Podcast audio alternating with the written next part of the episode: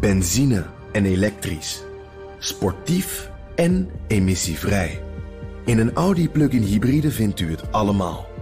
Ervaar de A6, Q5, Q7 en Q8 standaard met quattro vierwielaandrijving. Wat u ook zoekt, u vindt het in een Audi. Audi. Voorsprong door techniek.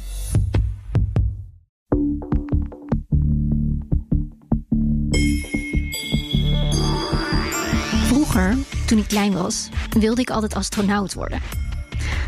Totdat ik erachter kwam dat je daar super fit voor moet zijn. En toen ook nog op mijn zesde bleek dat mijn gezichtsvermogen wat te wensen overliet, gaf ik het als kleine, blinde, mollige Chinees maar op. Maar nu, na het jarenlang te hebben moeten doen met oude afleveringen van Star Trek en Battlestar Galactica, is er eindelijk weer een nieuwe space race. En deze keer doen veel meer landen mee, ook China. Afgelopen maand lanceerden de Chinezen hun eerste raket naar de maan. Het was al de 22e ruimtemissie dit jaar. In deze aflevering daarom de vraag: gaat China de ruimte domineren? Mijn gasten deze aflevering zijn sinoloog Maaike de Wijs, Jeroen Rotteveel, directeur van ruimtevaartbedrijf Isis Space en Mark Kleinwold, directeur van het Radboud Radiolab. Mijn naam is Liao Wang en deze podcast wordt mede mogelijk gemaakt door het Leiden Asia Center. Mark, jij werkt dus bij het uh, Radboud Radiolab. En jullie hebben meegewerkt aan de lancering van een Chinese satelliet aan de achterkant van de maan. Wat was de rol van het Radboud Radiolab daarin? We hebben wetenschappelijk gezien de leiding over, over dat project. En, en uh, ja, er zit, in dat project zitten eigenlijk drie partners. Er zit uh, Space, waar Jeroen uh, directeur van is. Het Radboud Radiolab en, en Aston, de organisatie voor radioastronomie in, in Nederland. En we hebben eigenlijk alle drie um, een ander soort rol gehad, of aanvullende rol gehad in het project. wij waren vooral verantwoordelijk voor het ja, de, de radioantenne, het digitale deel ervan. Astron was meer voor de antennes en, en het, het analoge gedeelte. En, en ISIS was meer voor alle, alle andere dingen, wat best wel veel was. En vooral ook de, de, misschien wel het belangrijkste, de fysieke connectie naar het Chinese instrument, of de Chinese satelliet toe. Dus uh, dat was een beetje hoe, hoe, de rolverdeling was. Ja, Jeroen, dus jij zat eigenlijk het dichtste uh, bij de Chinese technologie, als, als ik het zo hoor van Mark. Hoe, hoe zou jij jullie samenwerking omschrijven?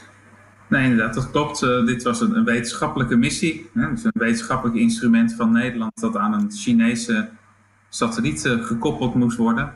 Dus alle interface stukjes, dat kwam eigenlijk op ons bordje terecht. dat was een groot deel de technische interface, dus uh, stroomvoorziening, datavoorziening tussen het experiment en de satelliet.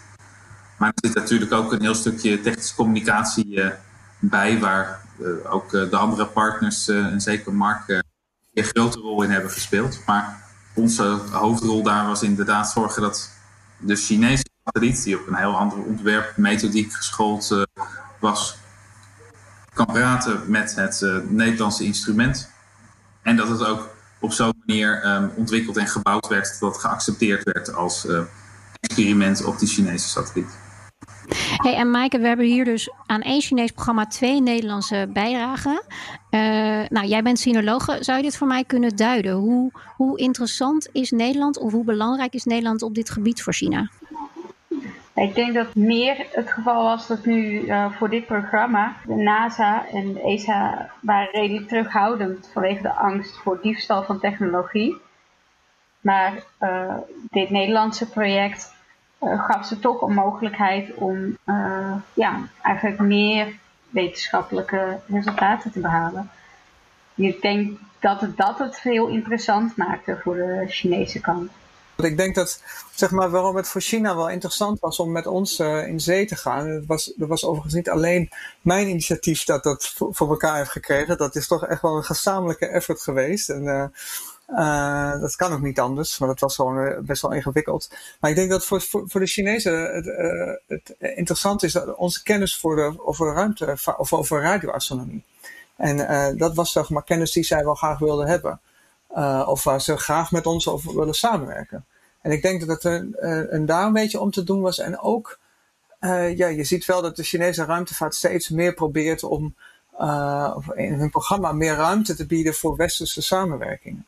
En, en dit was voor hun een makkelijke manier om dat eens uit te proberen. Dus het was ook een beetje een probeersel. Ik weet niet hoe Jeroen daar tegenaan kijkt, maar zo heb ik het wel een beetje ervaren. Ja, dit was natuurlijk, ruimtevaart is prestige. En dat was het vanaf het begin. Uh, deels militaire uh, space race, maar ook wel een stuk prestige.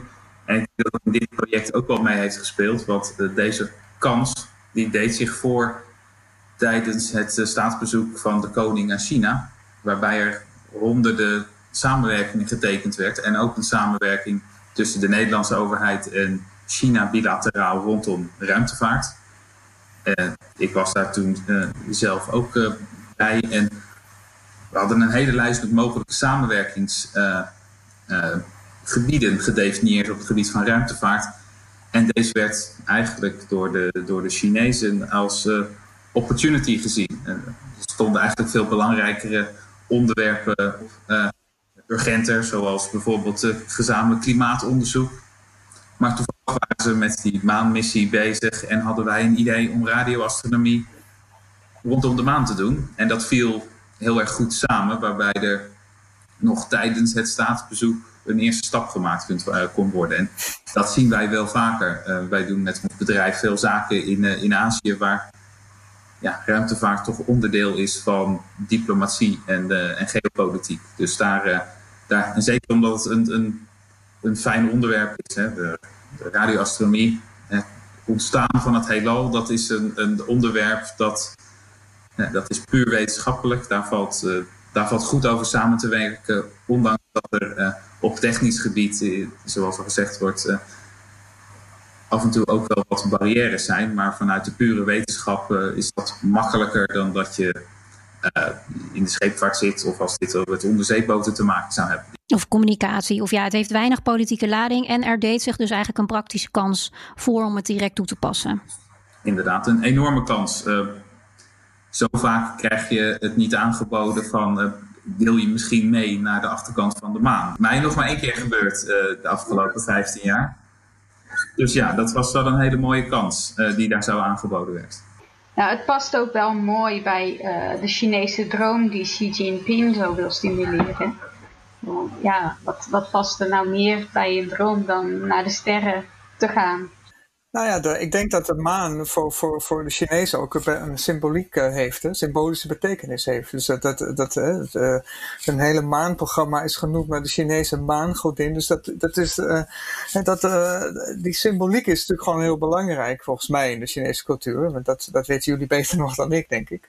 Dus dat kwam ook goed uit. Ja, is dat zo? Hoe belangrijk is het verhaal, Maaike?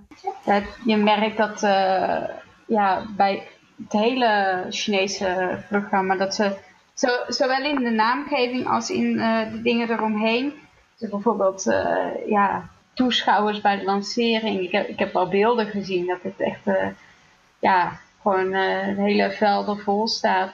Eigenlijk wat je normaal gesproken, nou ja, in Amerika zie je dat natuurlijk ook wel een beetje. Maar het lijkt of dat in, in China nog veel meer gestimuleerd wordt. En ja, en dat je, je hebt ook bijvoorbeeld uh, een heel muziekprogramma wat ze er dan uh, omheen verzinnen. Muziek, klassieke muziek die ze dan uh, meesturen ook met satelliet en dingen.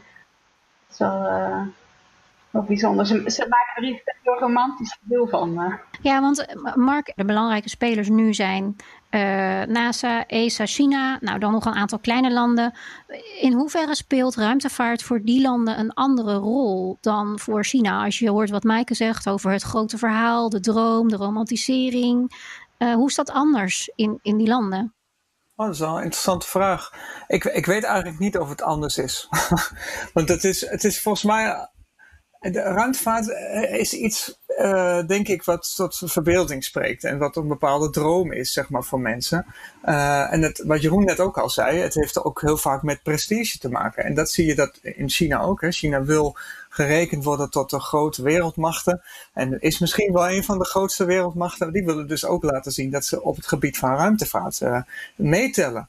Uh, en Amerika heeft natuurlijk een enorme historie met alle maanlandingen en, en wat ze verder nog niet gedaan hebben. En China wil zich daaraan meten.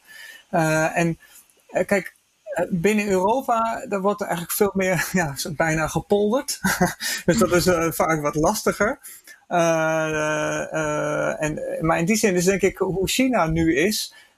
op dit moment in de ruimtevaart lijkt het misschien een beetje op, op Amerika tijdens de periode van het Apollo-programma.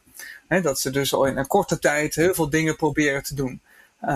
en ja, dat is, dat is mooi om daar nu, dat wij daar ons, zeg maar, ons graantje van mee kunnen pikken. En iemand, Jeroen, jij, net hadden we het er ook al even over dat uh, er steeds meer ruimte komt in de Chinese programma's, ook voor westerse samenwerking. Uh, hoe, hoe, ziet dat eruit? Ja, dat, dat is heel divers. Uh, eigenlijk is uh, nou, de ruimteindustrie in China enorm competitief.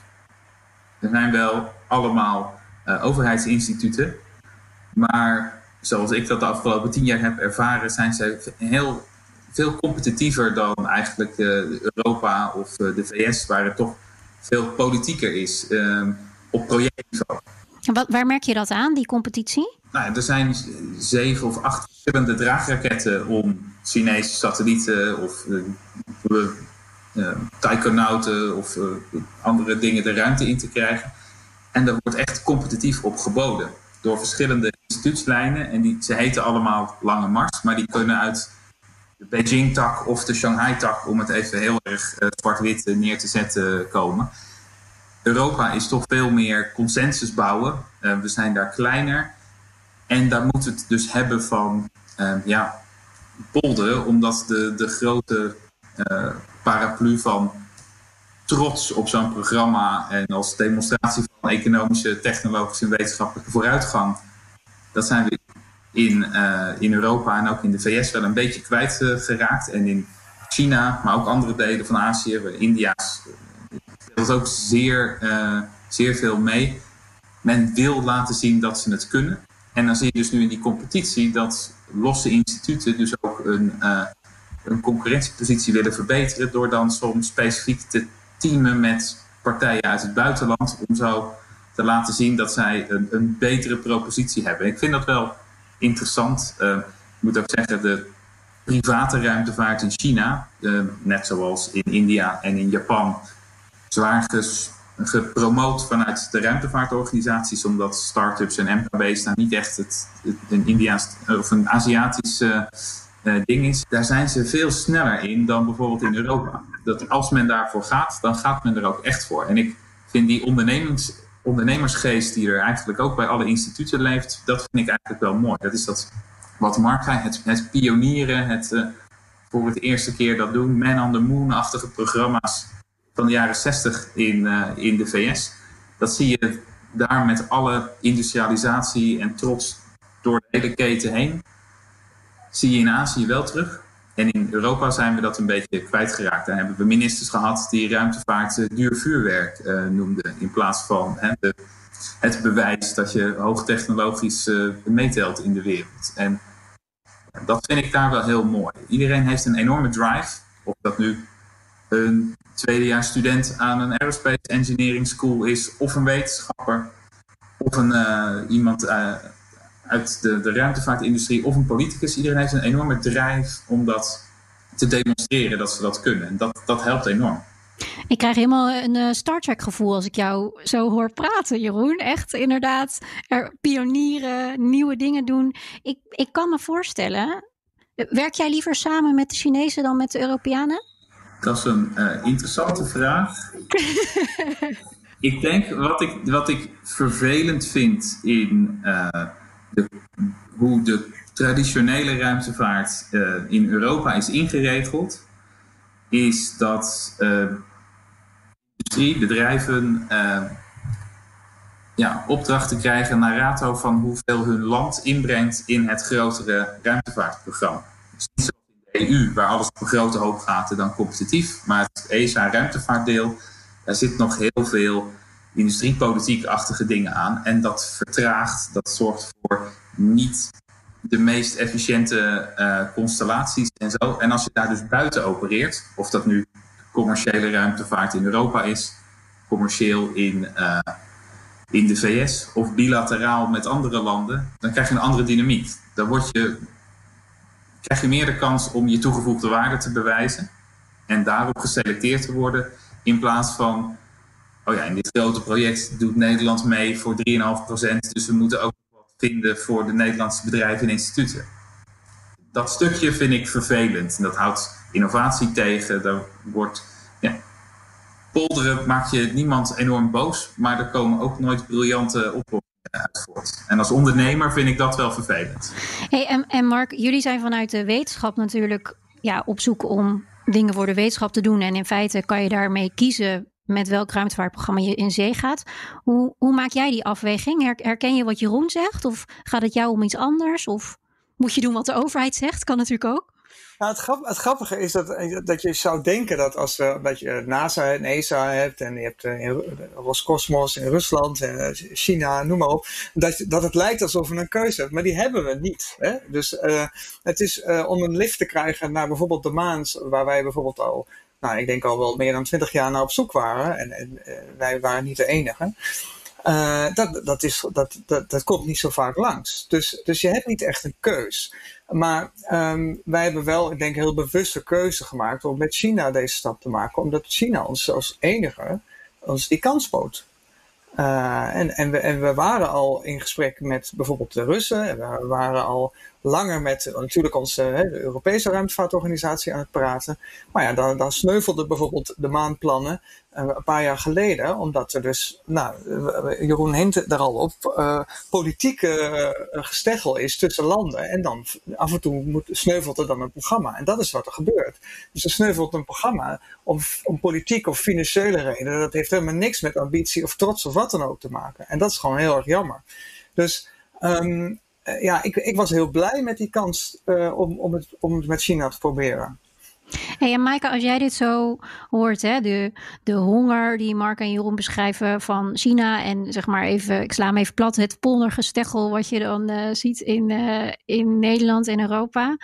Um, waar, waarom denk jij dat China zo'n haast heeft? Waarom is daar die drive zo, zo sterk, denk jij? Nou, ik denk ja, een belangrijke reden is natuurlijk dat, dat China zich heel erg wil laten gelden als wereldmacht. En um, nou ja, in China heb je ook wel het voordeel ergens dat um, je, je hebt daar niet, niet zo erg de, versplintering in uh, politiek. En je hebt ook op het moment dat de overheid beslist daar moet een weg komen, dan komt die er gewoon klaar. En als de overheid beslist, oh daar moet geld voor komen, dan komt het er gewoon klaar. Dus die hele uitgebreide discussies, ja, dat, omdat je dat daar veel minder hebt, heb je ook, dan durf je ook eigenlijk wel meer te dromen. Is, is democratie slecht voor ruimtevaart, denk jij? Hmm, dat kan het denk ik wel zijn, ja. Ja, dat uh, uiteindelijk, het maakt je heel erg afhankelijk van ja, hoe, hoezeer de, de overheid durft uh, budget vrij te maken. Want uiteindelijk je moet het dan ook wel weer uitleggen aan je kiezers. En dat probleem heb je in China gewoon niet, want je hebt gewoon geen kiezers. Ja, maar dat heeft, dan, dat heeft dan toch niks met de vorm van, je, van je, hoe je land ge, georganiseerd is te maken. Want het heeft ook gewerkt in de VS in het Apollo-programma. En daar was gewoon een, een gewone democratie. En, uh, dus, dus het, waar het om gaat volgens mij is dat, dat uh, wat jij omschrijft, dat als je uh, een, een, uh, zoals China georganiseerd is, één partij, één grote leider met een heel duidelijk plan, dat, dat helpt als, zeker voor de ruimtevaart, als de ruimtevaart onderdeel is van het plan. Ja, dat is zo. Ja. Maar als de ruimtevaart ja, niet onderdeel was van het plan, dan hadden wij dit niet kunnen doen. ja, dus het gaat, het, volgens jou is het meer de visie. Ja, dus ja, het is de visie die helpt en, en, en, het, en het systeem achter uh, bij China, dat helpt. Hè? Het is heel duidelijk. De, uh, er was een, bijvoorbeeld een deadline gesteld voor de, of, of een datum gezet al twee jaar voor de lancering, voor de lancering. Nou, die is ook exact gehaald. daar, daar zorgen ze wel voor. nou, ik denk dat het, uh, hoe, hoe het is ingeregeld, het systeem erachter, is eigenlijk heel technocratisch. Wij hebben bij ons op bedrijf zowel de baas van de Chinese ruimtevaartorganisatie uh, op bezoek gehad, omdat we dit project hadden, en die van de Europese ruimtevaartorganisatie. Maar de directeur-generaal van de Europese ruimtevaartorganisatie is een politicus, oud-minister van Economische Zaken. Want het is een politieke job. er zat de baas van, van de Chinese ruimtevaartorganisatie. Dat was een mechanical engineer.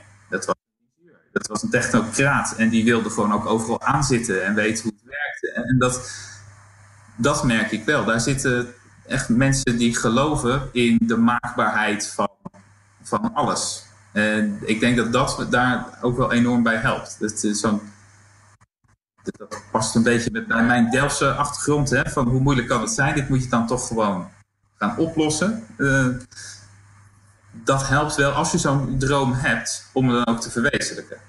En dan is die connectie snel gemaakt. En merk jij dat ook op de vloer? Als jij, zeg maar, jij werkt dagelijks met de Chinezen samen om te zorgen dat die Chinese systemen kunnen praten met de Nederlandse. Is dat ook anders als je met de Chinese partij werkt dan als je bijvoorbeeld met de Amerikanen werkt of, of andere Europeanen? Uh, daar zit het dan toch wel op. Het, het middenlevel is dan net weer wat anders ingeregeld. Ik denk dat het, uh, als je kijkt naar Chinese, de Chinese ruimtevaartsector, hebben ze het aan de top vaak wat beter ingeregeld een betere visie, grote programma's die ook kunnen rekenen op 20 jaar funding zonder dat er verkiezingen uh, route in het eten gooien. Maar op projecten en zo is het nog wel een erg hiërarchisch systeem. En dat maakt samenwerken nog wel lastig. Uh, met een Europese of een Amerikaanse partij in een samenwerking kan je op ieder niveau makkelijk met elkaar communiceren. Ehm, in China en ook in Rusland uh, is dat wat meer dat de meest, ja, de highest ranking persoon in de, de, de Kamer, die voert het gesprek. En dat is uh, in technische discussies niet altijd het slimst. Je moet mij niet aan tafel zetten om dan de software te laten discussiëren. De top van de Chinese overheid gelooft dus in de maakbaarheid, de bereikbaarheid van hun droom. Ook als die droom iets gigantisch is, zoals het bereiken van Mars. Alles kan, als je daar maar geld en tijd voor vrijmaakt. Het doet me denken aan toen ik in groep 6 heel slecht bleek te kunnen hoofdrekenen. Het idee dat ik daar misschien wel eens geen talent voor zou kunnen hebben, was voor mijn moeder onacceptabel. En dus werden er elke middag sommen gemaakt met een klokje ernaast, want het moest ook nog wel een beetje snel. En tien jaar later studeerde ik af als natuurkundige. Kun je alles bereiken als je maar genoeg investeert? Ik weet het niet. Maar ik ben in ieder geval blij dat ik heb durven dromen. Ondanks die onvoldoendes op de basisschool. Maar dat vind ik dus heel interessant. Ik ben benieuwd, Maaike, hoe, hoe, jij dit ziet. Want eigenlijk zie je dan op het hoogste niveau in China... zie je juist die ondernemersdrang... en het, om, ja, echt het, het empoweren van technische mensen. En dan op, op het lagere niveau zie je juist weer het tegenovergestelde. Namelijk eigenlijk dat de politieke positie het belangrijkste is.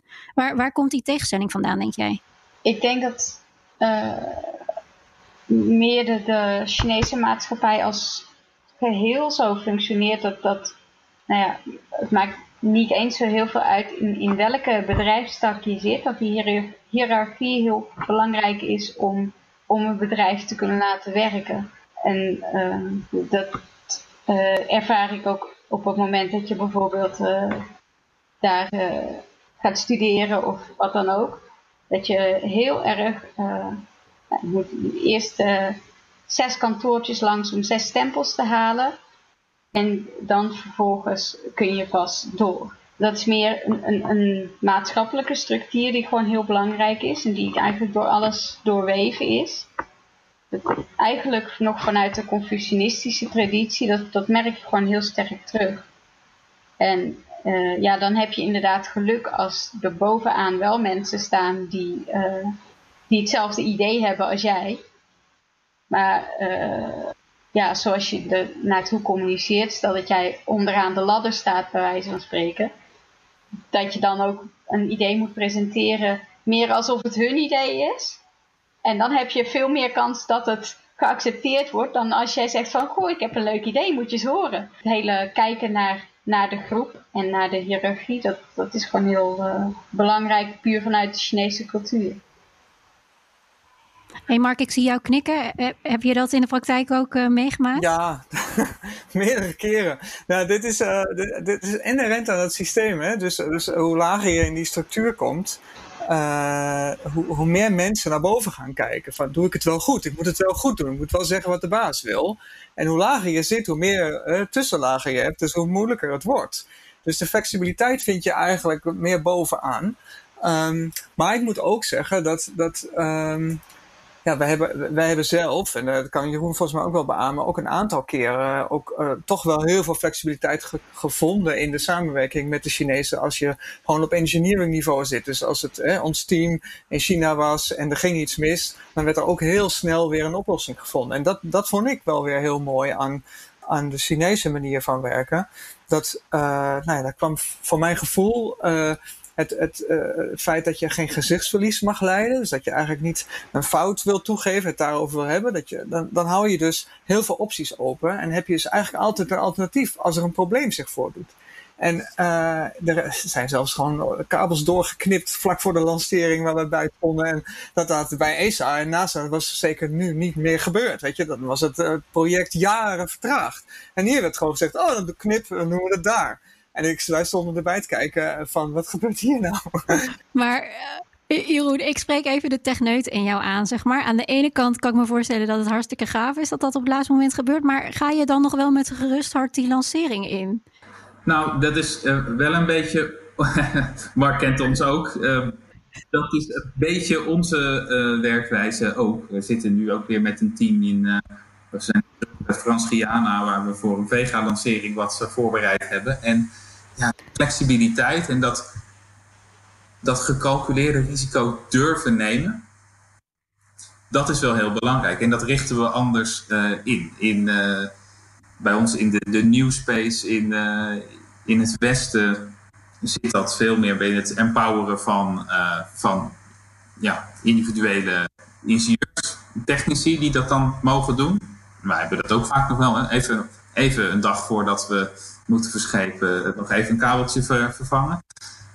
In China hebben ze het op een andere manier ingeregeld, maar hebben ze die, die flexibiliteit daar wel in. En dat is juist dat mooie dat ik ervan vind. Ruimtevaart, ook al bouw je duizend satellieten per jaar, dat zijn geen auto's waar je er een miljoen per jaar van maakt. Dus je moet altijd flexibel blijven. En inderdaad, als je wat angstig wordt, als je die trots kwijt bent en die drive om het te moeten halen, dus ja, we kunnen ook toch even drie vergaderingen plannen, zodat het niemands beslissing is. Dat, niemands schuld is ook. Dat is vervelend. Kijk, het is wat hiërarchischer. De, de techneut op de werkvloer stelt het voor, maar moet het inderdaad pitchen zodat zijn baas baas de beslissing maakt, maar er wordt wel besloten. Mark en Jeroen, als ik jullie zo hoor praten, dan denk ik bijna, nou, eh, jullie moeten gewoon uh, Chinees worden, want jullie vinden het daar veel leuker. Zijn er ook momenten dat je, ja, het is toch lastig, wat Maaike aan het begin al even ophintte. Westerse landen vinden het toch vaak spannend hè, om op dit gebied samen te werken met China. Hoe, hoe kijken jullie daarnaar? Ja, ik, ik, ik denk liever in kansen dan in, uh, dan in beperkingen en, en bedreigingen. En ik zie dat daar veel kansen zijn we hebben te maken met, uh, en dat geldt niet alleen voor China, maar ook voor andere ruimtevaartlanden zoals een Rusland uh, bijvoorbeeld. Uh, niet alles kan en mag.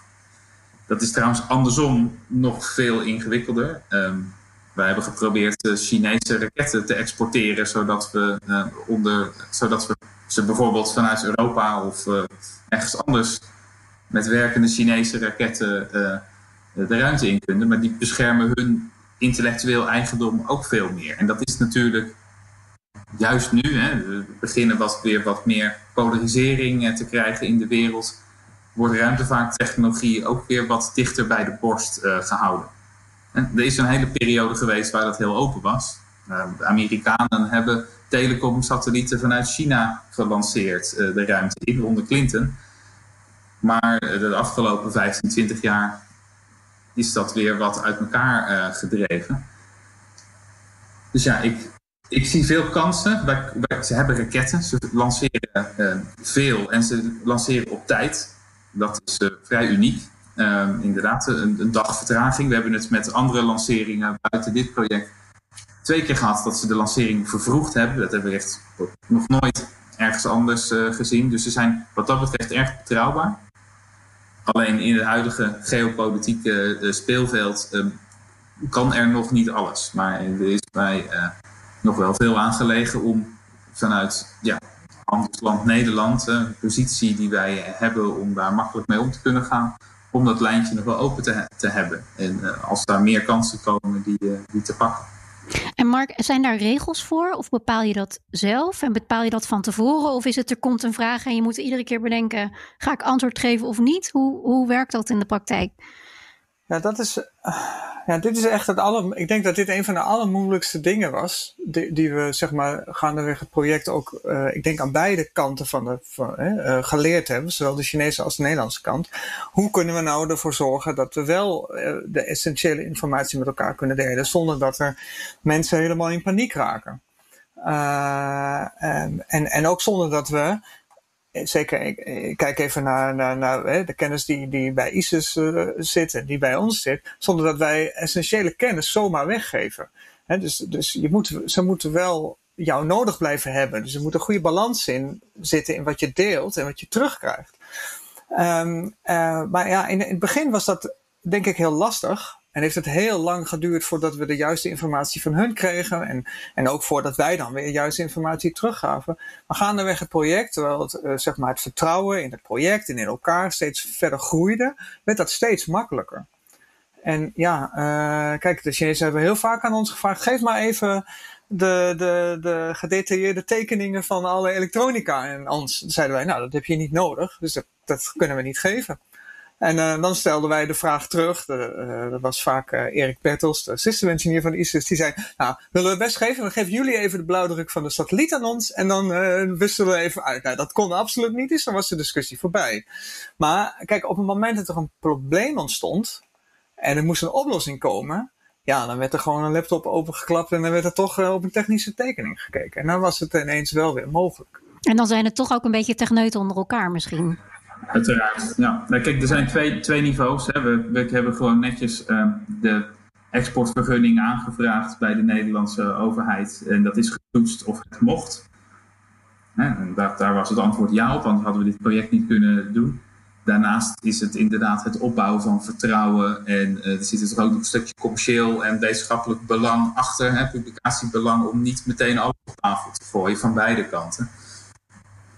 En dan is twee jaar opeens wel weer kort. Om uh, vertrouwen met zo'n met zo'n afstand ertussen ook uh, om dat op te bouwen. Vaak heb je daar wat meer de tijd voor. Want het is heel uniek dat we in één keer naar zo'n flightprogramma gegaan zijn. Meestal krijg je in de twee, drie jaar ervoor met een studie en een keer een gezamenlijk uh, ander projectje de kans om dat vertrouwen eerst op te bouwen.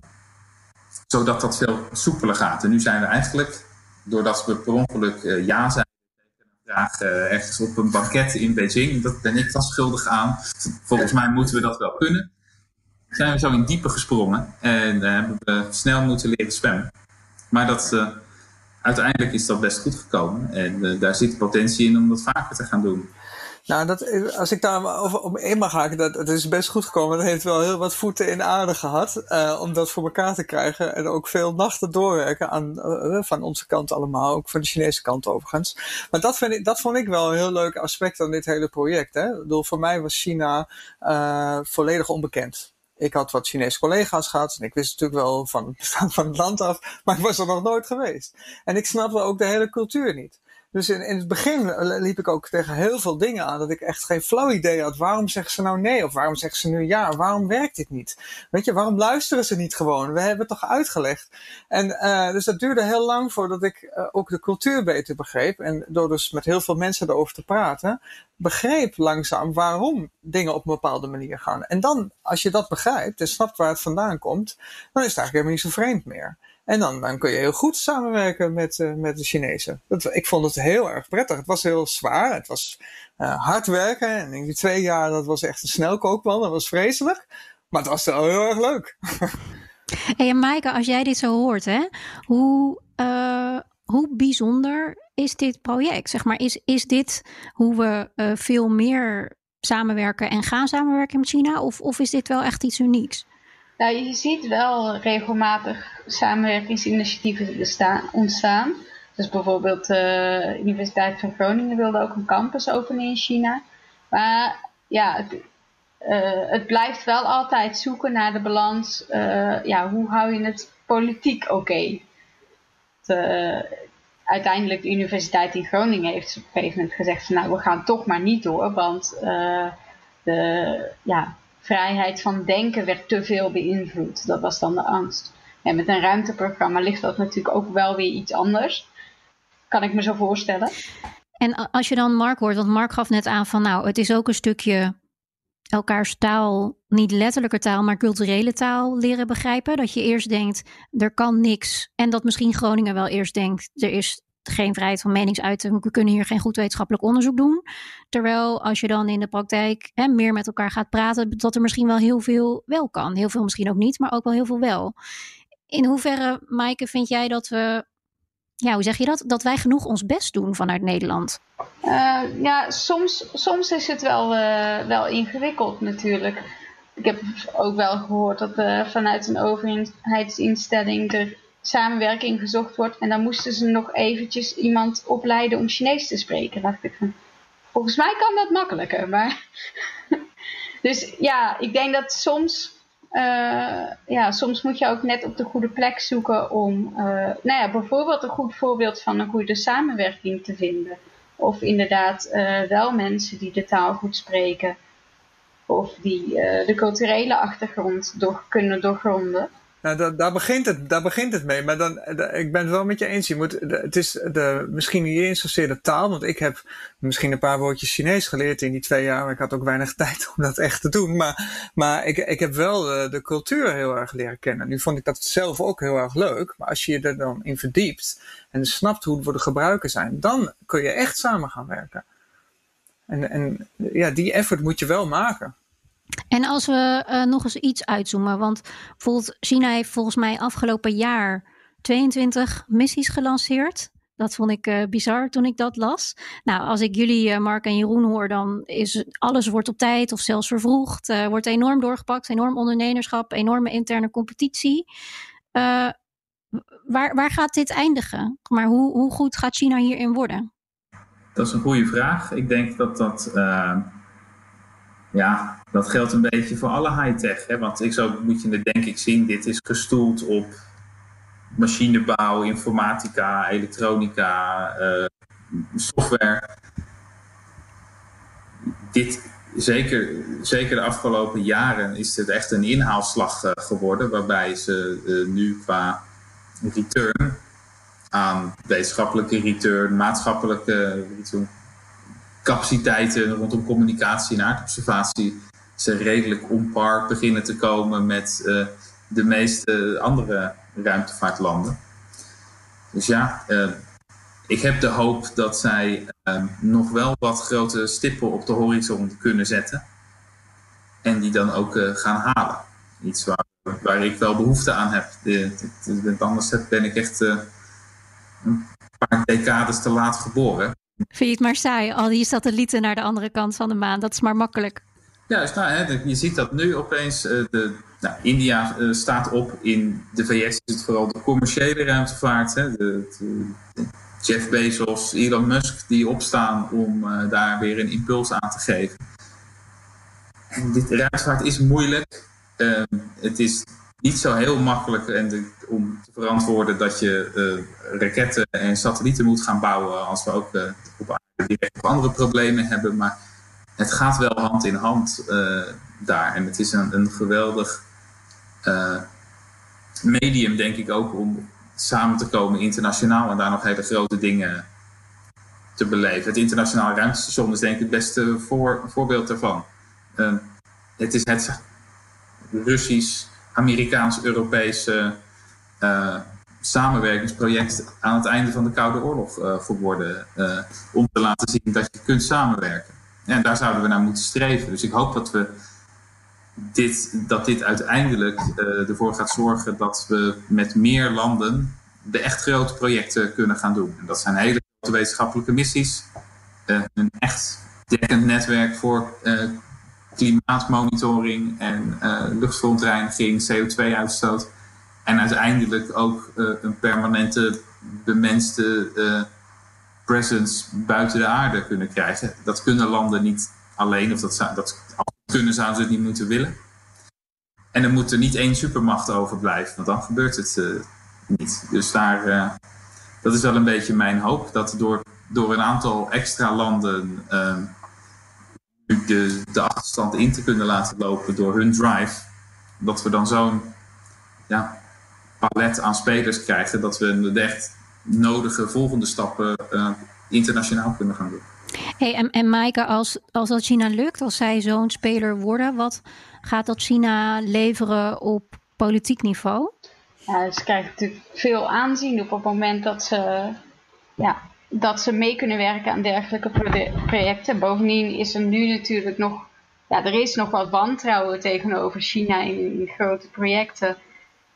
Maar op het moment dat zij, uh, ja, dat zij een bijdrage leveren, dan zul je zien dat dat wantrouwen ook vervaagt, lijkt mij. Ik denk ook dat uh, je ziet dat China tegelijkertijd ook probeert uh, minder afhankelijk te worden van nou ja, westerse systemen. Ze hebben bijvoorbeeld ook een eigen uh, GPS-achtige systeem waar ze mee bezig zijn.